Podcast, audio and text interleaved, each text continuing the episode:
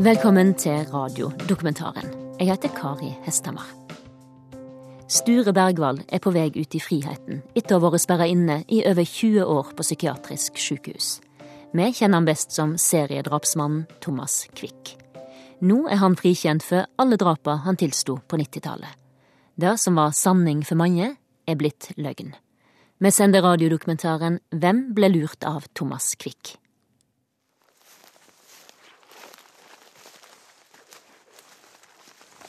Stig efter stig, skog efter skog. Utredning efter utredning. Sture Bergwall leser egne dikt om sin tid som seriemorder. Fra årene han kalte seg Thomas Quick. I et kort øyeblikk tenkte jeg dette kan ikke hende. Hvem manipulerer hvem?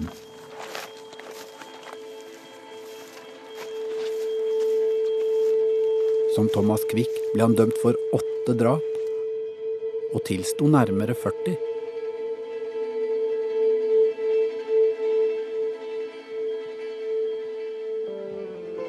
Alle trodde han var et monster. TV-nyhetene viste bilder av Kvikk som fikk anfall i skogen.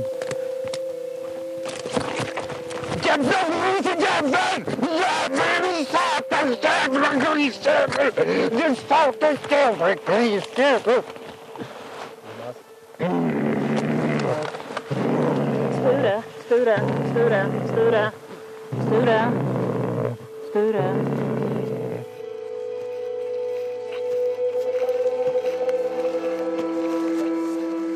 Och molnet seglade förbi.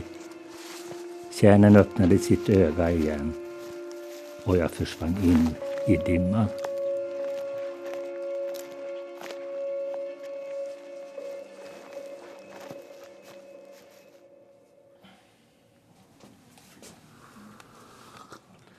Var den til meg. Ja, precis. Tusen takk. Yes. På Seters psykiatriske sykehus i Midt-Sverige sitter en 64 år gammel mann, skallet, med grått skjegg og stålbriller. Han forteller en historie om hvordan han for 20 år siden fikk mange til å tro at han var en unik seriemorder.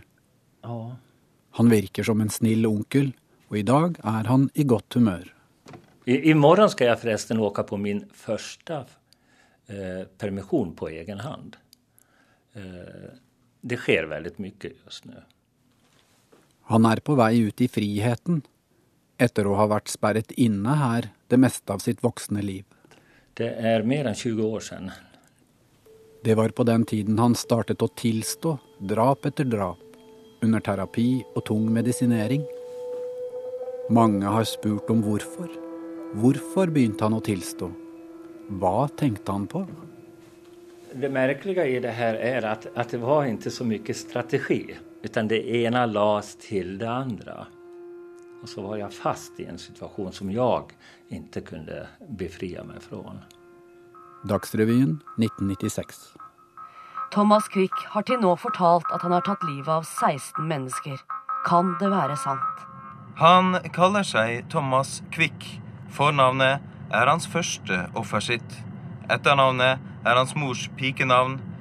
En ondskapens pseudonym. Storebroren Sten Ove var i sjokk. Det her er jo en dubbelnatur. Og det er en manipulativ menneske. En menneske som vinner folks fortroende. En menneske som leder utviklingen mange ganger og åt det håll han vil at det skal skje. Kanskje var Thomas Quick en sannsynlig seriedrapsmann? Flere ganger dømt til psykiatrisk behandling. Etter overgrep mot unge gutter. Etter et bankran. I rus hadde han en gang nesten drept en mann med kniv.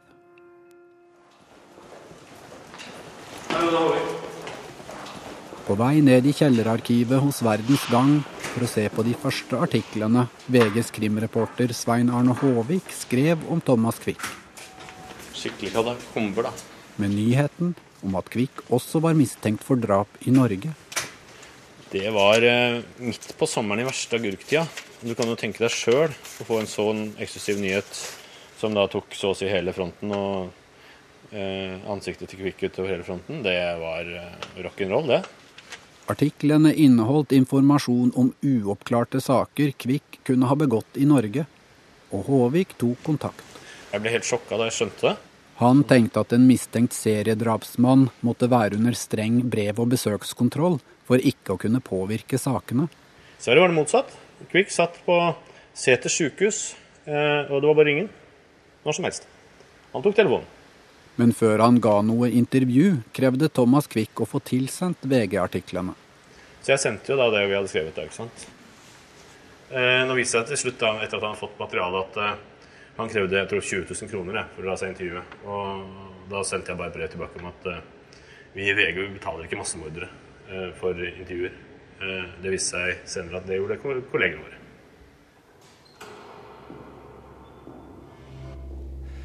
Jeg trodde den var stengt, døren til løgnen.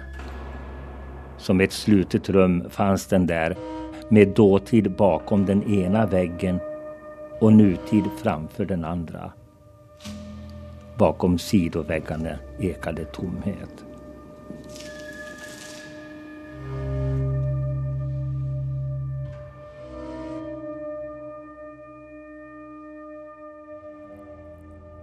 Politiet forsto tidlig at Thomas Quick brukte informasjon fra media i tilståelsene sine. VG hadde skrevet om to savnede flyktninggutter som Quick kunne ha drept. Thomas Quick er en helt uh, spesiell mann å avhøre. Drammens politimester Tore Johnsen måtte akseptere at minnene utviklet seg i terapitimer og avhør med svenskene. Det er mer samtaler enn avhør, og det kommer etter hvert, og det må komme i det tempoet som uh, han bestemmer, faktisk.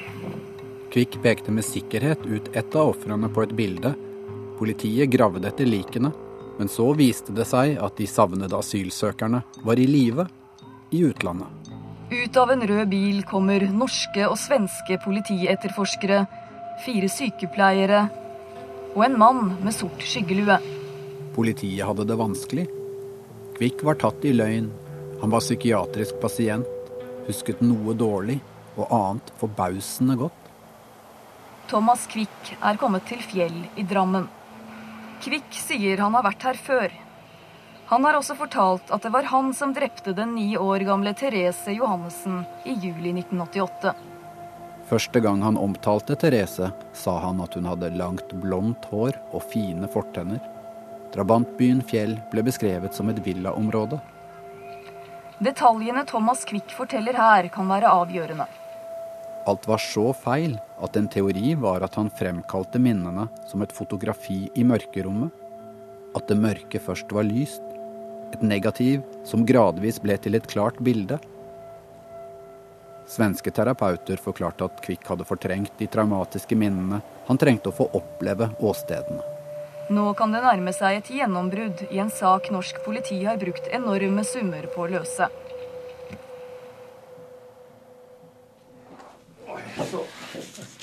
Besøksrommet på Sæter sykehus er enkelt, hvitmalt og med linoleumsgulv.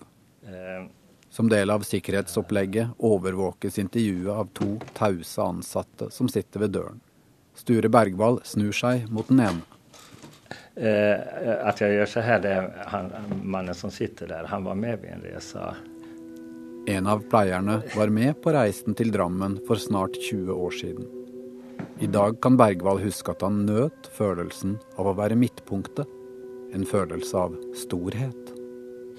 Og når vi skulle i vei til Drammen, så var det et presseoppbåd. Og da hadde den norske polisen eh, greiet inn dobbeltgångere til meg, som de plasserte i en bil. Og så for det i vei en karavan med honom åt ett hold, og pressen åkte i vei etter den karavanen. Alle tror det er Thomas Quick. Når bilene kommer frem til Finnskogen to timer senere, har journalister og fotografer fulgt etter. Og vi åkte mot Drammen. Veiene er sperret for trafikk. Og vi åkte i 180 km i timen med blålysene påslagne og, og, og passerte veitulene i Norge eh, som om de ikke fantes. En av Skandinavias verste massemordere. Det det var jo någonstans også veldig heftig. og som speglade alltså det her betydelsefulla. Absolut. I, I, den situationen så fanns den känslan veldig tydelig, hos mig.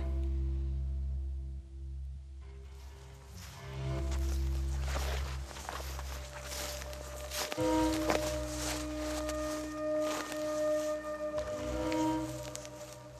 När spegelbilden av mig själv i den stilla vattenytan blandas med dess djup och ytspänning finns jag till inom och utom mig själv. Jag själv är hel när jag lämnar mitt återsken och går till andra tankar.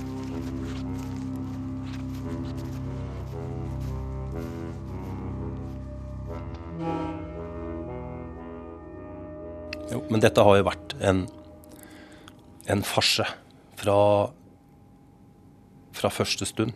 Kåre Hunstad jr. var kanskje den journalisten som fikk tettest kontakt med Thomas Quick. I 1996 jobbet Hunstad i Dagbladet. Det ble såpass øh, åpent øh, inn til Thomas Quick at jeg hadde telefonnummer, en telefonboks, i gangen på Sæter sykehus. Thomas Quick kjenner sin egen markedsverdi. Eh, dersom han får betalt, så skal han fortelle eh, ting han ikke har fortalt til politiet. Det er jo det som starter den diskusjonen skal, skal ikke, og som ender med at skal. Blant de norske redaktørene er minnene litt vage når det kommer til betaling for intervjuer gjort med Kvikk på seter. Men på et tidspunkt så skjæres det igjennom hvor P4 Tore Eriksen, da, nå avdøde Tore, og jeg eh, fikk eh, begge gå inn med Jeg husker ikke beløpet, det kan være i størrelsesorden to ganger 5000 kroner eller lignende. For å kunne eh, få lov til å kikke han i korta. Og 1730 Spesial vier i dag hele sendingen til vårt meget eksklusive intervju med seriemorderen Thomas Quick. I de travle Thomas Quick-årene var han i prinsippet aktuell for de fleste uoppklarte drap. Kanskje det var han som bortførte Marianne Rugås Knutsen fra Risør? Har du begått andre drap i Norge før dette? Det kan jeg ikke svare på. Har du vært i Risør? Det kan jeg ikke si. Ja. Du kan vel si om du har vært i Risør? Um, det blir ikke utesluttet at jeg var der. Thomas Quick fortalte velvillig om terapien han var en del av. Der hadde minner om groteske barndomshendelser dukket opp. Overgrep som Quick og terapeutene mente kunne forklare de senere drapshandlingene. Og pappa hämtar en kniv og skär av naveln og eh, kaster barnet i golvet. Og eh, sen skjer det en viss, en viss, et visst vold fra mine foreldre mot det fosteret. Foreldrene skulle ha drept den spontanaborterte lillebroren. Sen lover jeg denne pojken, han skulle ha hetat Simon, jeg lover honom at jeg, når jeg blir stor kommer jeg å lage deg og gjøre deg hel. Och det här finns alltså med i med morden i de här styck, styckningsdelarna så, så finns det ett klart en klar koppling till den här tidiga upplevelsen. Jag går in i offret och, och blir offret, känner av offret och tänker som offret det her skulle vi kunne prate i mange timer om. Thomas Quicks søsken stilte seg helt uforstående, og barndomsminnene lot seg heller ikke bekrefte. P4s intervju ble sendt tidlig under Therese-etterforskningen mot Quick i mai 96. Oslo-politiets psykiater Stein Ikdal fulgte opp med en analyse det er jo at han har en del forbausende gode detaljer omkring ting som, som selvfølgelig har ført til at politiet har etterforsket dette seriøst. På en annen side så vet man jo at det veldig ofte kan oppstå denne type forestillinger eller tilståelser under en terapi. Man har jo hatt nærmest en trend i USA at psykiske problemer eller vanskeligheter i det hele tatt skal kunne forklares ved, ved tidligere traumer. Terapeutene som behandlet Thomas Quick, har fortalt lite om hva de har tenkt i ettertid. Om tilståelsene, om de føler seg lurt eller ikke. Ville de bare hjelpe en syk pasient? hadde de et sterkt ønske om å tro at Thomas Quick snakket sant, fordi det ville bevise at Sæter skapte verdenshistorie med en banebrytende terapi. I et intervju med Dan Josefsson sliter tidligere overlege ved Sæter sykehus, Gøran Fransson, med å forklare teorien om at Kvikk skulle ha begått drap, men fortrengt minnet. Det er forbløffende, men så var det. Det låter ikke riktig klokt. Du, kan du forklare hvordan hur din tankegang gikk? altså Hvordan teorien så ut? Altså? Nei, jag... Jag er ikke sikker på at jeg kan forklare det. Politiet måtte forholde seg til at Kvikk fortalte feil, både bevisste feil og ubevisste. Terapeutene forklarte at sannheten var vanskelig å få fram. Christer van der Kvast, som ledet alle Kvikk-etterforskningene, har overfor Sveriges Televisjon avvist at politiet baserte seg på psykiatrien. Det är en tämligen kränkande situation att komma och påstå att vi på något sätt ett är svårartat vilseledda på, på det sättet att vi skulle tro på honom i en slags allmän mening utifrån några allmänna teorier om psykologi eller att vi skulle på något sätt medvetet ha manipulerat fram situationen för att få bevisning. Alltså vad är det för struntprat? Van der Kvast mener det viktigste for politiet var harde fakta, og viljen til å lete var stor. Thomas Quick forklarte at han hadde dumpet kroppen til Therese i Ringen tjern i Ørjeskogen. Dagen P4 sendte sitt Quick-intervju, startet politiet med å tømme tjernet. Det fins jo folk som fortsatt har tvekant tvil om din tilståelse. Ja. Eh, Nå skal man jo da, har du påpekt hvor du har skjult denne piken. Ja. Og nå har man gått så langt at man skal tømme dette tjernet, som vi sier på norsk. Ja. Hva hvis de ikke finner noe? Eh, Man kommer til å finne noe, ja. Man kommer til å finne noe? Ja. Og at man gjør et sånt stort arbete, eh, det gjør man jo også utifrån ifra hva jeg har berettet om hendelsen, om Therese og andre omstendigheter. Ringen tjern ble tømt. 30 mann holdt på i over sju uker, med media stående i beredskap. Pumpene i Ringen tjern i Østfold ble slått av for siste gang i ettermiddag. Tjernet der Thomas Quick har forklart at han dumpet liket av Therese Johannessen, viste seg å være tomt. Politiet hadde silt 25 millioner liter vann og bunnslam og kommet fram til sedimenter fra istiden før de ga opp. Ja, er norsk politi lurt av Thomas Quick?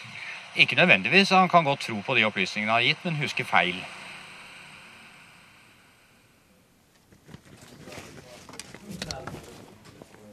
I det enkle besøksrommet legger Sture Bergwall inn en ny snus. Mens politifolkene tømte tjernet, var han her på Seter. I full sving med terapi og politiavhør om ulike tilståelser.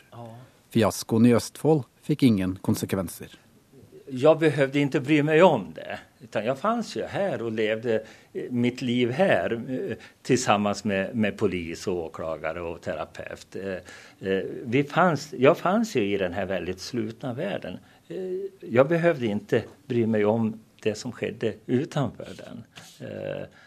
Og jag konfronterades ju inte heller med att det här blev ju jättefel, kan du förklara det? De frågorna dök aldrig upp.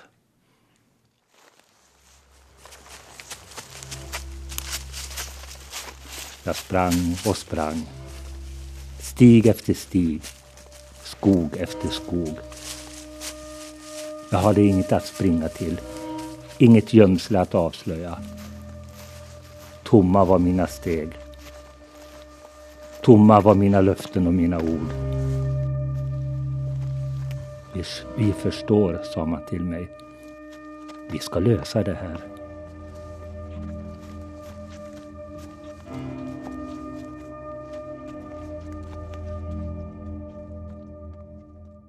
De norske Therese-etterforskerne hadde et ønske om å sjekke Thomas Quick ut av saken.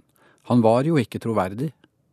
Men i kaos av feil dukket det hele tiden opp ting de syntes stemte urovekkende godt. Eh, Vi har nyspassert plassen där de. Etter at Kvikk har endret forklaringene i avhør, ble han året etter, i 1997, tatt med tilbake til Ørjeskogen i Østfold.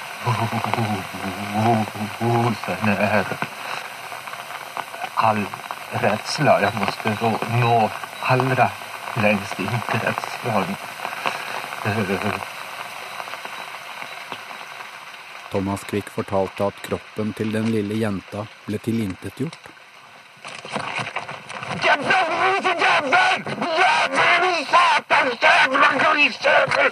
Din satans jävla Støre. Støre. Sture. Borta for alltid. Borta for alltid. Borta for alltid. I dag ser Sture Bergwall på anfallene i skogen som et resultat av medisinering. På de filmsekvensene filmsekvenserna som du tenker på, der er jeg nærmest psykotisk. Som en direkte bivirkning av bensodiazepinerna. Jag får ta en till sen og det var skitsamme om jeg overdoserer litt. Ja, det var lenge. Det var länge. Journalene vitner om tung bruk av medisiner. Bergwall forklarer at tilståelsene sikret tilgang til dop.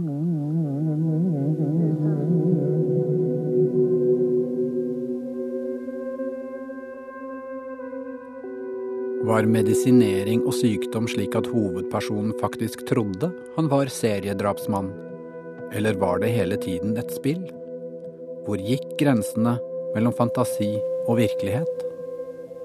De var veldig flytende. de gikk inn i varandra. Eh, eh, Så var det hele tiden altså. Og, det er det svåra att, förklara. Jag hoppas att jag, att jag eh, ska kunna skriva om det och förklara det den vägen. Men, men det, det är ju det svåra att förklara det här att både tro på sin egen historia och inte tro på den.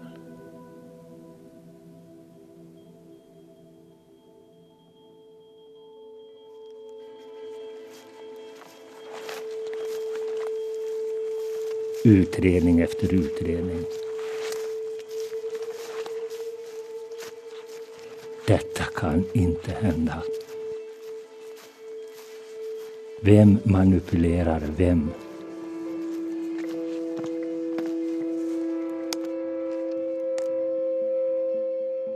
I Ørjeskogen lette og lette politiet etter konkrete detaljer, og denne gangen, i 97, gjorde de viktige funn.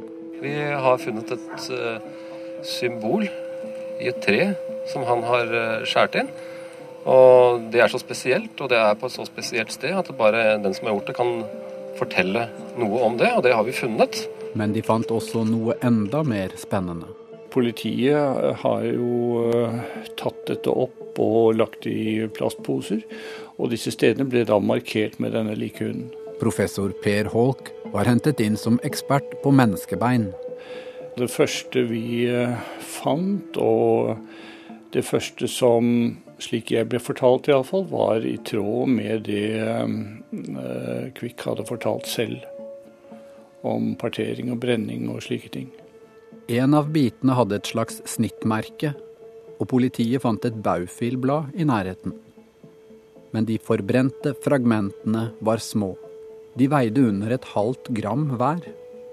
Professor Holk var likevel ikke i tvil. At det var ben, etter mitt skjønn, og at det ikke usannsynlig var fra menneske og et ungt individ. Interessen var enorm da politimesteren i Drammen i dag kalte inn for å fortelle at det kan gå mot oppklaring av Therese-saken, Norges mest omtalte forsvinningssak. Sammenholder man alt dette, så mener vi å ha en rimelig god sak nå. Etter en omfattende og kaotisk etterforskning begynte det å ligne en sterk kjede av indisier og en sammenhengende forklaring for politiet. Vi kan bevise at han har vært på fjell i den tida Therese ble borte. Kvikk har i grunnen aldri lurt oss, men han har tatt oss med på eh, litt eh, omvei, for å bruke det uttrykket. Saken ble sendt over til Sverige. En rettssak var opp til svenske påtalemyndigheter. Den norske førstestatsadvokaten Lasse Kvikstad sendte et skrytebrev til politiet i Drammen. Sitat, et lysende eksempel på det beste i norsk politi. Noe av det beste jeg har hatt til vurdering i den tid jeg har arbeidet i norsk politi og påtalemyndighet, skrev Kvikstad. Nå skal jeg fortelle noe som jeg syns er viktig å formidle. Politiet brukte mye tid på å kartlegge alle opplysninger Kvikk kunne ha skaffet seg fra media. Men Kvikk hadde også direkte kontakt med journalister som Kåre Hunstad. En gang kom Hunstad i skade for å røpe at et offer hadde blitt kvalt av sitt eget oppkast. Helt ukontrollerbart, skulle selvfølgelig aldri ha sagt det. Dødsårsaken var noe han hadde fått vite i fortrolighet av en politimann over en øl. Etterpå ringte Hunstad den svenske hovedavhøreren og beklaget. Og han sier det er jo det som er så jævlig farlig når dere journalister møter Thomas Quick.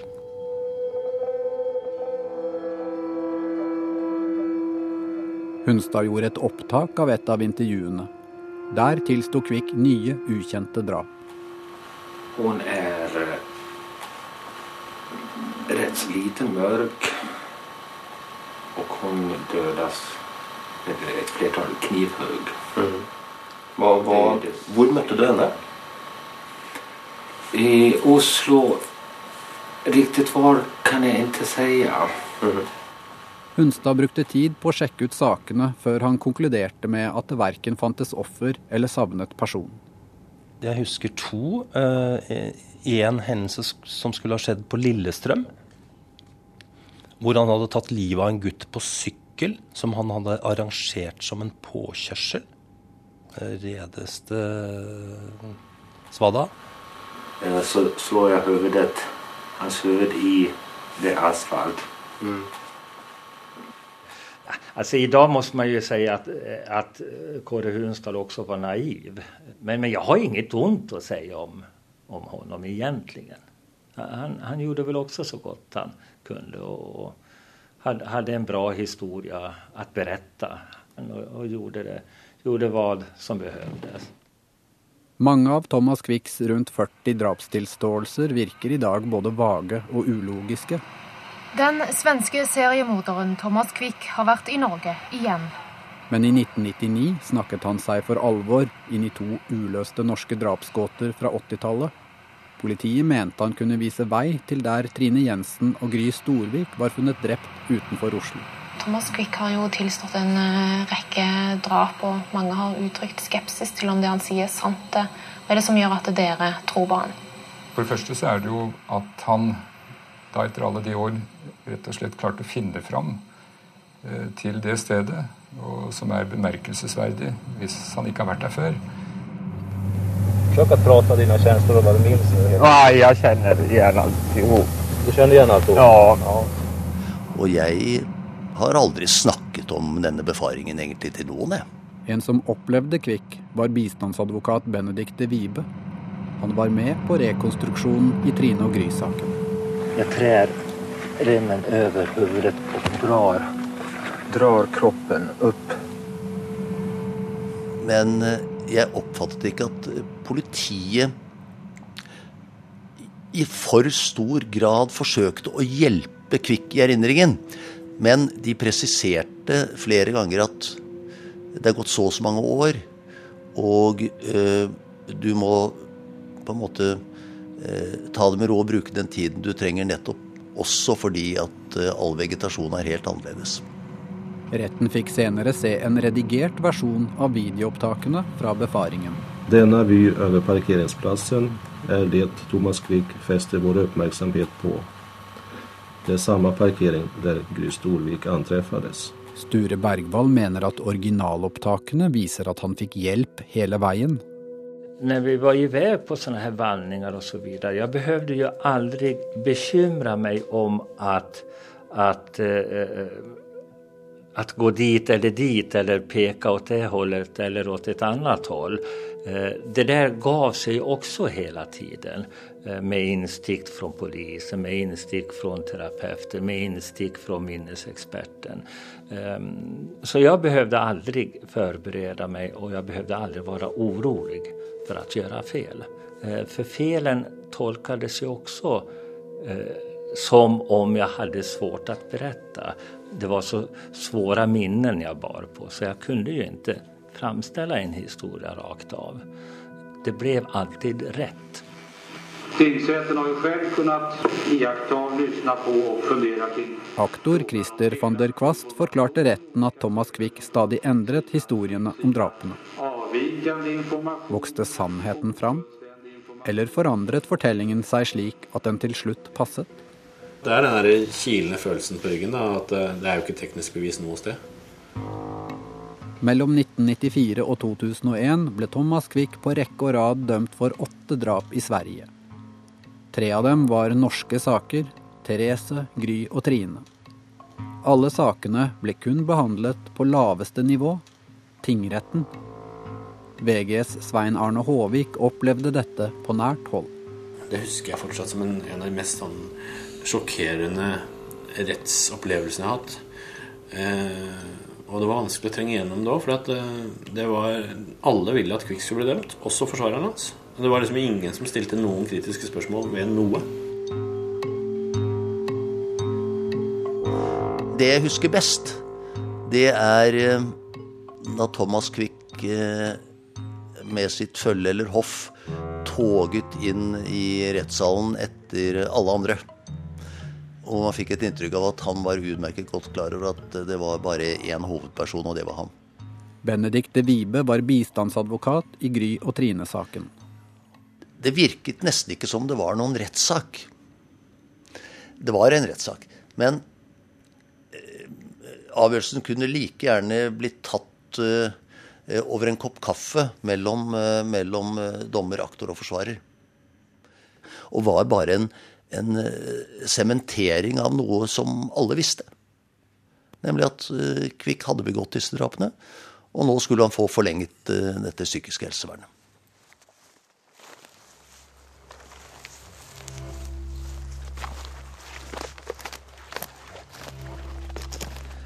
Ørjeskogen i Norge. Korsneskogen. Så mange skogar. Uendelig med trær. Thomas, vi er med deg, sa kriminalpolisen. Og jeg fortsatte trampa, skaka og i mitt indre ropa.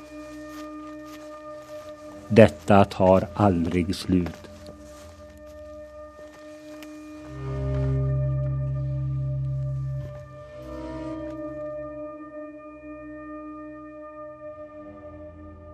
Men det skal ta slutt, da Kvikk tilsto å ha drept Marianne Rugås Knutsen fra Risør. Da var vi altså mye mer kritiske til mye av det som kom fram. Norsk politi hadde lenge fryktet at detaljer kunne lekke til Kvikk, f.eks. For i form av ledende spørsmål. Ved ett tilfelle lanserte tidligere politisjef Finn Abrahamsen en helt tilfeldig forsvinningssak overfor svenske kolleger. Kanskje at han har noe med den saken å gjøre. Kort tid etter tilsto Kvikk i nettopp den saken. Så dukka det pinadø opp altså historien på han noen dager etter. Da begynte han å prate om det samme. Da gjør man seg refleksjoner uten at man skal bastant gå ut og si at uh, den eller de har på en måte plantet noe av det der. Svenske etterforskningsledere kjenner seg ikke igjen i denne historien. I Marianne-saken hadde Kvikk en utrolig mengde detaljer på plass men politiet ville ikke gå videre uten konkrete funn etter jenta. Da blei han veldig irritert og bitter på det. Han, eh, for da, da mistet han selvfølgelig oppmerksomhet rundt seg. Da fikk han ikke den oppmerksomheten lenger. Da blei han altså, ville ikke snakke med oss lenger. På besøksrommet på Seter tar vi en pause. Sture Bergwall må strekke på beina. Han plages med vondt i ryggen. Ja, det er jo mange spørsmål. Det er jo mye, ja, mye å resonnere kring. Han har levd et langt voksenliv innelåst på dette psykiatriske sykehuset. I 2001 var én fase over. Etter å ha blitt dømt for sitt åttende drap, mente få, men toneangivende kritikere at alle dommene var bygget på luft. Det her er jo også veldig komplekst. I en forurettet tone skrev Thomas Quick et avisinnlegg der han avsluttet ethvert samarbeid med politiet. Bl.a. fordi at mistroen rundt sakene måtte være en belastning for de pårørende. Jeg, jeg kunne kjenne meg ekte fornærmet i ene stunden, og i den andre stunden vite at så måtte jeg uttrykke meg. Eh, hva var ekte hos meg selv når jeg var fornærmet, Eller når jeg ikke var förnärmad? Ja. I 2001 mente en ny sjefoverlege at Thomas Quick nærmest var en rusmisbruker, og han ble nektet de sterkeste medisinene.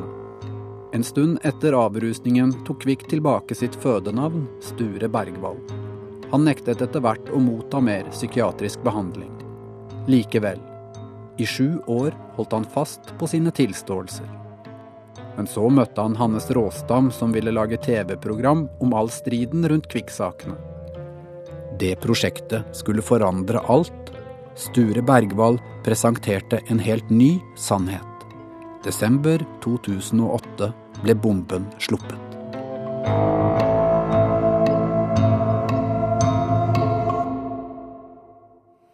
Jeg har ikke begått noe av de mord jag är dömd för. Och jag har inte heller begått något av alla de andra morden jag har erkänt. Det är så det är. Han har trukket tilståelsene i beste sendetid. Eksklusivt for Sveriges Televisjon. Ska vi tro honom nu när han gråter ut i tv och bedyrar att han är helt oskyldig? Eller ljuger han nu, som den mytoman han är? Han kanske njuter där han sitter i sjukrummet på Säters sjukhus av att kunna styra och manipulera media och få oss att tro att han inte har begått några av de här brotten. Den norske politimannen Ole Thomas Bjerknes, som var sentral i Therese-saken, er hentet til studio. Vi hadde allerede forutsett at Thomas Quick på et eller annet tidspunkt ville gjøre nettopp det, trekke tilståelsen. Han er tross alt en syk person. Derfor så må politiet sørge for at eh, utredningen er så god, inneholder såpass mye bevis, som selv om gjerningsmannen eller den mistenkte skulle trekke sin tilståelse tilbake, så skal vi allikevel kunne ha en god sak. Men i Sverige ble stadig flere overbevist om at Bergwall måtte være uskyldig. Etter at tilståelsene var trukket, fulgte søknader om gjenopptagelse av alle drapssakene, én etter én. Thomas Quick er dømt for åtte drap, men nå blir forklaringa hans plukka fra hverandre.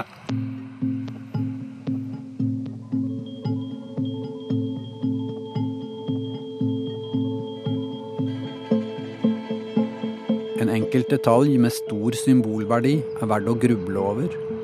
Sentralt i Therese-saka var beinrester funnet i Østfold etter anvisning fra Thomas Quick. Hvis Thomas Quicks historier var oppdiktet, hva var det da med disse små brente benbitene?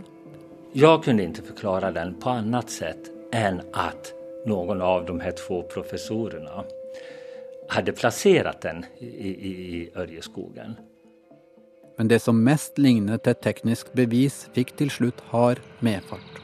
Svenske fageksperter konkluderer nå med at funnet ikke er beinrester, men trolig trebiter.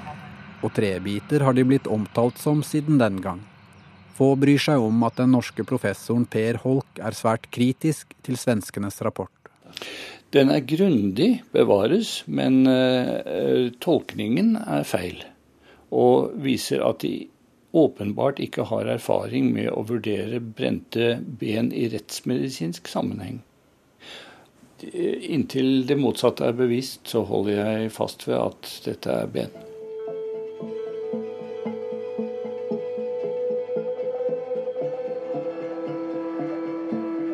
Sverige har debatten vært hard.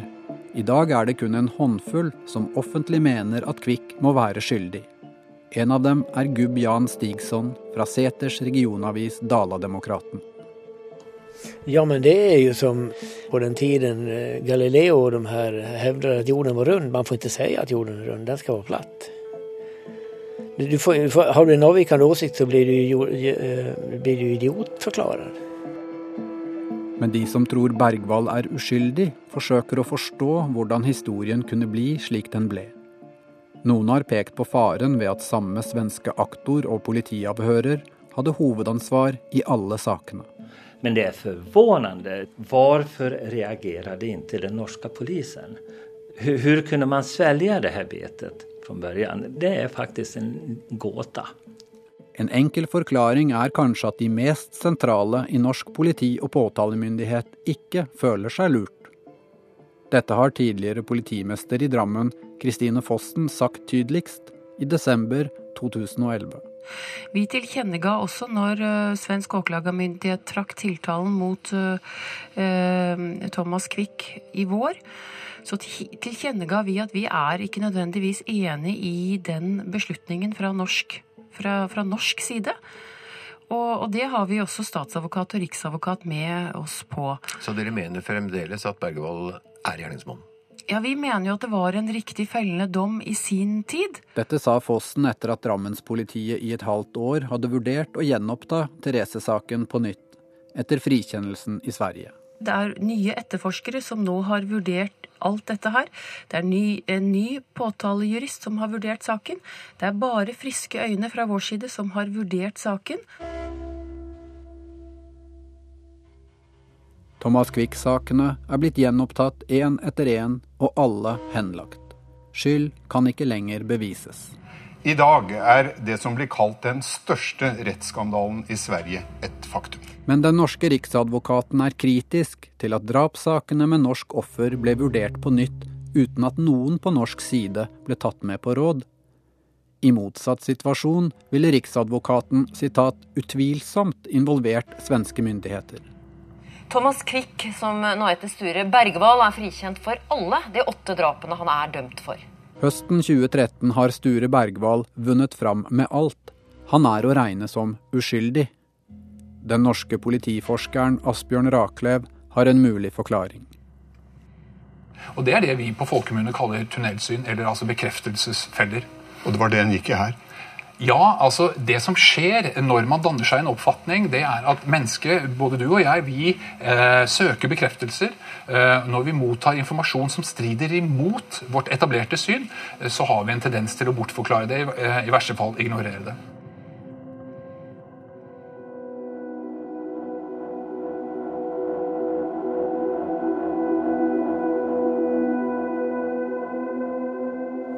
Det, er så sorglig allting.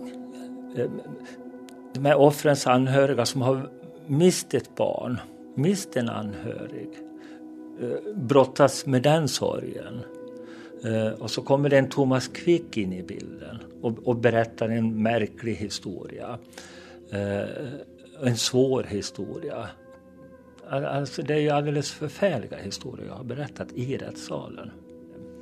Det er det absolut tyngsta. Men en viss tvil vil kanskje alltid leve videre hos noen av dem som var tett på, som Kåre Hunstad jr. Nå er han troverdig, men er han egentlig det?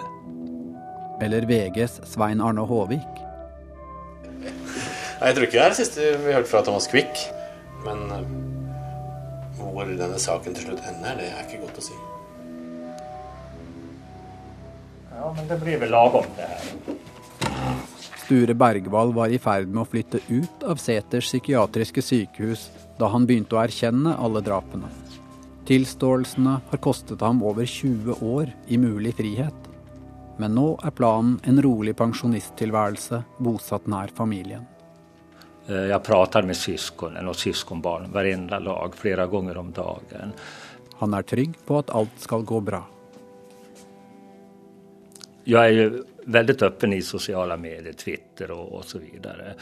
Eh, och idag möter jag inte, inte frågetecken. Eh, jag möter lycka till-rop och, och, och, hoppas det går bra och, och den typen av, av, av, av tillrop.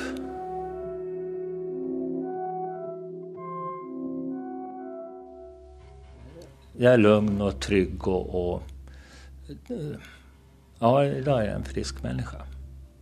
Och det känns bra att säga det.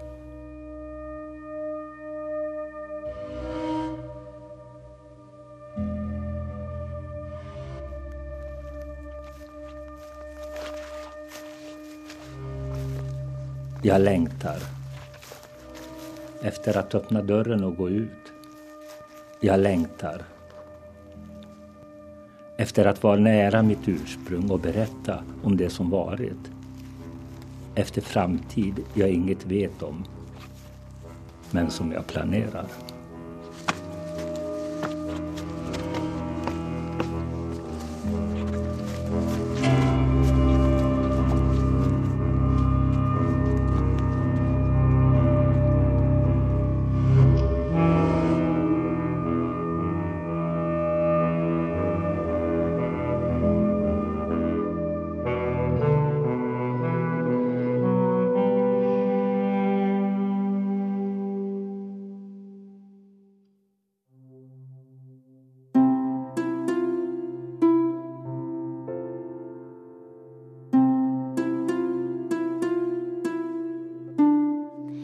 Du har hørt Hvem ble lurt av Thomas Quick? av Kjetil Saugestad.